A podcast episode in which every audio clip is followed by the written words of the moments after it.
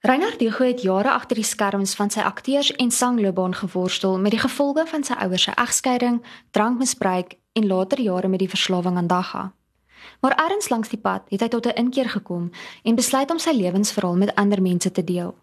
Reinhard kuier vandag in die Marula Ateljee om te gesels oor die draaipunte in sy lewe en oor sy boek wat pas verskyn het. Reinhard, baie welkom. Baie dankie, is lekker om hier saam met julle te kuier. Reinhard, waarom het jy besluit om jou lewe op hierdie manier met mense te deel?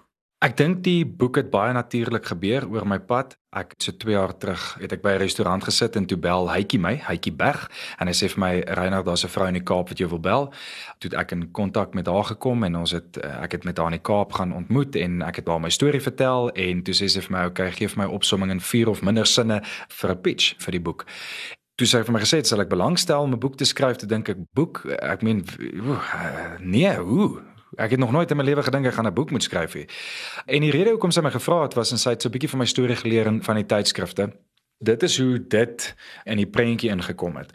En ek moet vir jou sê dat waar ek nou vandag hierso sit en ek wil nou nie glad nie, I don't want to jump the gun, maar waar ek nou vandag hierso sit, is ek so bly dit het oor my pad gekom, dat dit natuurlik oor my pad gekom het en dat dit wat nou gebeur by mense, die stories wat ek hoor van mense af nou dat die boek verkoop en dat die stories nou op 'n baie natuurlike manier na my toe kom. So ek dink in die hele boek, ek sê ook altyd soos ek kan nie noodwendig met gesag praat nie, maar ek kan saam praat.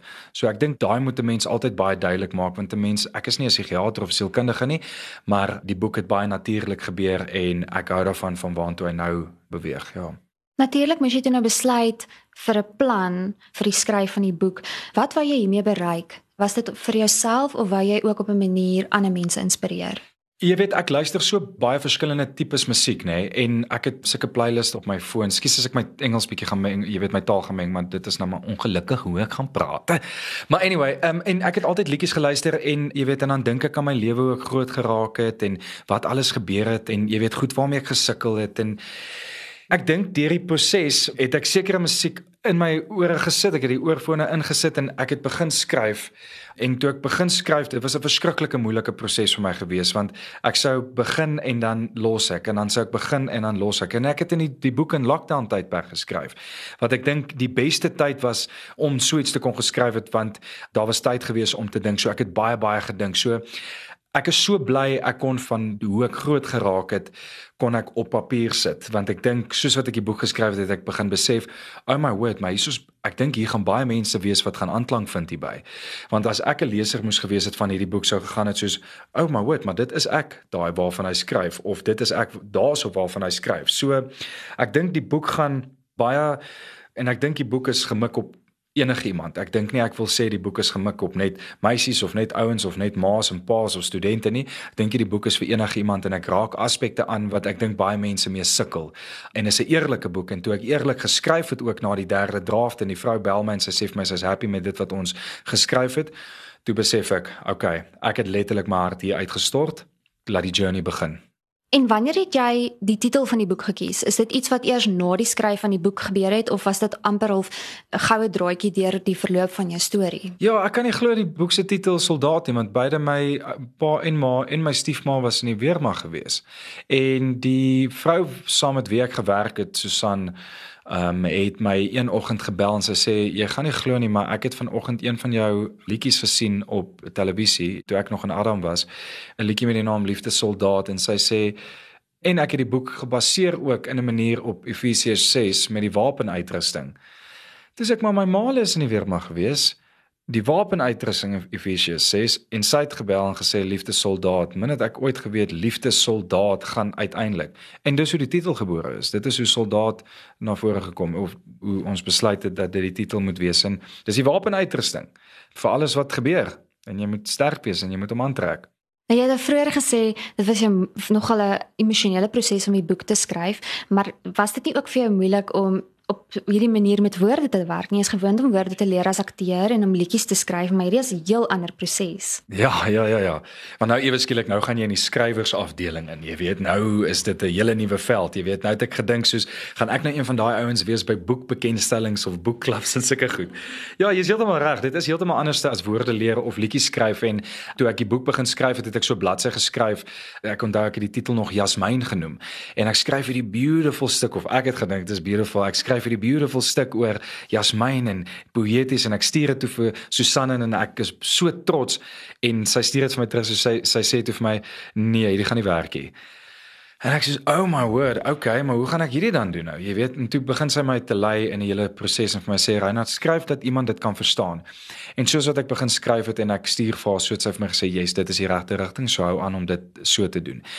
Ek dink deur die proses het ek begin verstaan van so klein bietjie van skryf soos hoe dit werk van die hero in die movie amper of in 'n storie dat hy gedwing word om 'n situasie te moet hanteer en dan weier hy eers om op die avontuur te gaan en dan gaan hy op die avontuur en op die einde van die dag so Spider-Man hang hy onderste bo en jy weet hy soen sy meisie. Jy weet dis 'n mooi einde. So ek het in daai proses het ek begin agterkom, okay cool, jy weet daar's so baie konflik wanneer dit kom by 'n storie. Daar's soveel stroompies wat volg vir 'n storie om 'n storie te wees.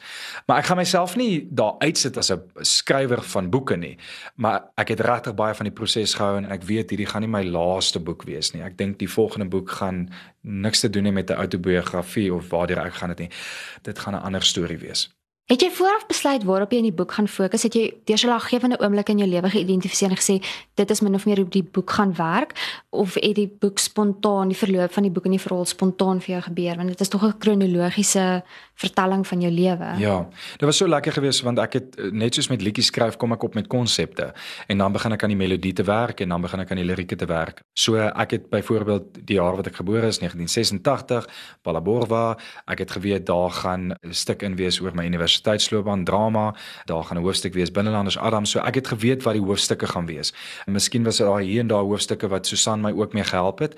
So ek moes skryf van geboorte af tot en met die einde oor elke aspek, oor my loopbaan, oor goed waarmee ek gesukkel het, soos jy genoem het, oor dagga en drank en dis meer. So ek moes daai aspekte aanraak want dit is waarmee mense sukkel. En mense sukkel nog elke dag daarmee. Jy weet, mense kies net om nie die waarheid te openbaar nie. En gelukkig vir my in die proses, ek het 'n boek geskryf nadat ek groot gedoop is. En gelukkig vir my het ek gesê, weet jy wat, ek kan either guns blazing uitgaan of ek gaan moet terughou en ek kon nie terughou nie. So vir die wat die boek gaan lees, gaan 'n groot idee kry van wie ek is en dit waarmee ek gesukkel het en ek dink dit sal dan uiteindelik met jou kan resoneer. 'n Belangrike deel van jou storie is jou verhouding met God jou bekering, groot doop. Vertel my van daai draaipunte in jou lewe en hoe jou storie op daai manier ontwikkel het. Ja, so ek het nie regtig geweet wat bekering is of groot doop nie. So my oom het my gedoop in Bloubergstrand. As mense ook 'n stukkie lees oor die bekering en die doop, ek wil nou nie te veel daarin gaan nie, maar hy het my groot gedoop en ek het nie geweet waar dit gaan nie, maar ons het net voor die doop te praat is oor die hemel en die konsep van die hemel en ek het verskriklik angstig geraak. En ek het net daar besluit luister, it's time. Ek moet my lewe vir die Here gee en 'n goeie lewe lei. Ja, dit is elke dag nog 'n avontuur want dis nie maklik nie.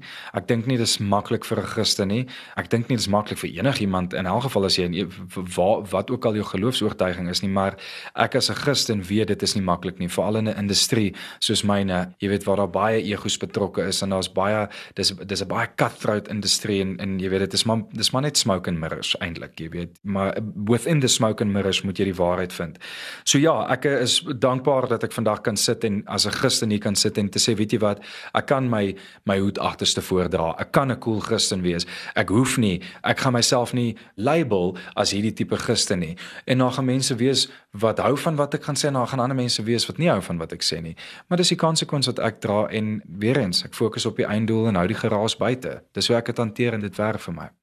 Reiner, kan jy dalk vir ons afsluit vinnig iets noem of iets vertel oor die Engelsnit wat saam met jou boek uitgereik is? Ja, so die liedjie se naam is weggebreek. So ek het weer eens nie gedink ek gaan so sang skryf nie, maar basies. Ek is nou al vir jare en 'n half 'n uh, solo kunstenaar nadat ek weggebreek het van Adam en ek het 'n liedjie uitgebring met die naam Die Rivier wat gaan dit oor om groot gedoop te wees en dan 'n uh, liedjie met die naam Diep binne my om te sê luister maak nie saak of jy 'n verhouding is of huwelik is nie daar gaan moeilike tye wees maar dit is so amazing as jy gerectify kan word as jy as daar vergifnis is in 'n huwelik want dan gebeur baie goed niks met enigiemand te doen nie. Dit het te doen met jy en jou partner. En dan die liedjie wat saam met die boek uitgereik is se naam is weggebreek en om te sê luister okay al die goedjies is nou verby. Jy is nou groot gedoop. Jy is nou deur al jou goeders. Dit beteken nie daar gaan nie nog challenges kom nie maar breek weg. Omring jouself met die regte mense. Luister die regte goed. Kyk die regte goed want daai goeders die vorm deel van wie jy is op die einde van die dag. En dis net 'n weggebreek van mense wat nie goed is vir jou of goed wat nie goed is vir jou nie. Kyk vorentoe en, en go. En nou die musiek wat nou uit gaan kom gaan totaal en al fantasties wees. En ek gaan goed nou sing wat eerlik is en rou is. En that's it. En dit is die enkelsnit. Ek wens ek was so koud soos ys swaar gevoelens was my huis. Ek het gekies om berge uit te klim myself te vind. Ek het die stad agter gelos 'n brief geskryf met die son gepos. Ek soek 'n plek waar mense anders is